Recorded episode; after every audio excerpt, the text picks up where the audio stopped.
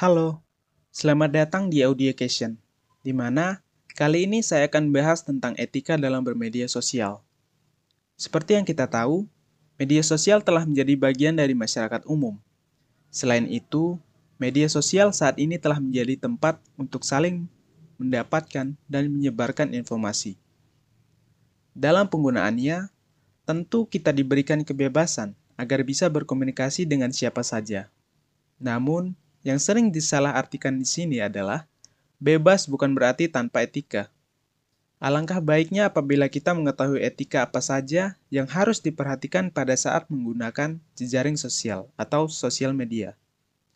Tidak sedikit permasalahan sosial yang terjadi akibat kurangnya kesadaran dalam beretika di media sosial. Justru, para pengguna terkadang dibutakan oleh berita yang tidak benar akibat dari hasutan-hasutan yang beredar pada media sosial.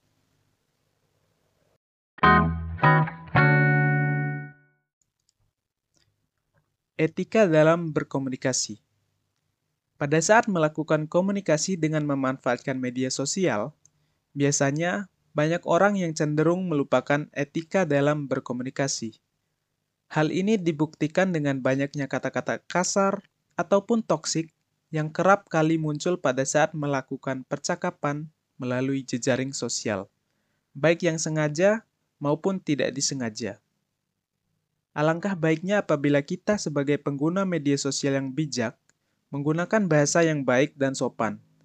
Biasakan untuk menggunakan bahasa yang tepat terhadap siapa pun pada saat kita berinteraksi, termasuk pada saat berinteraksi melalui media sosial. Hindari penyebaran sara, pornografi, dan aksi kekerasan.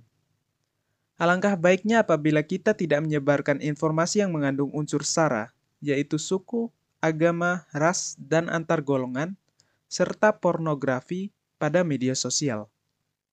Biasakan untuk menyebarkan hal-hal yang berguna dan bermanfaat, dan tidak menimbulkan konflik antar sesama. Hindari juga penyebaran konten yang berbau kekerasan, seperti foto korban kekerasan, foto kecelakaan lalu lintas, maupun foto kekerasan dalam bentuk lainnya. Cross-check kebenaran berita. Saat ini, tentu tidak jarang kalau kita menemukan berita yang menjelekan salah satu pihak di media sosial. Hal tersebut bertujuan untuk menjatuhkan nama pesaing dengan menyebarkan berita hasil rekayasa ataupun hoaks. Maka dari itu, kita sebagai pengguna media sosial harus lebih cerdas lagi dalam menerima dan menyebarkan informasi.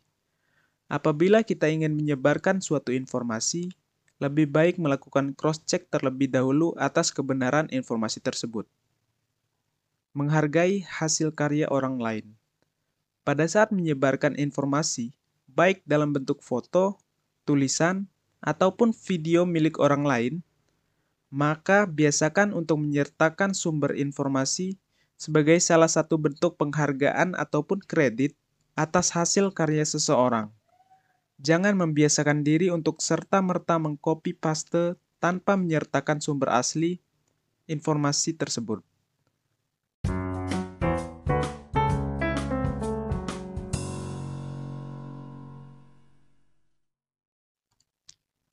Ayo jadikan media sosial sebagai platform yang positif, serta pergunakan media sosial sebaik dan sebijak mungkin, terlebih lagi dalam hal penyebaran informasi.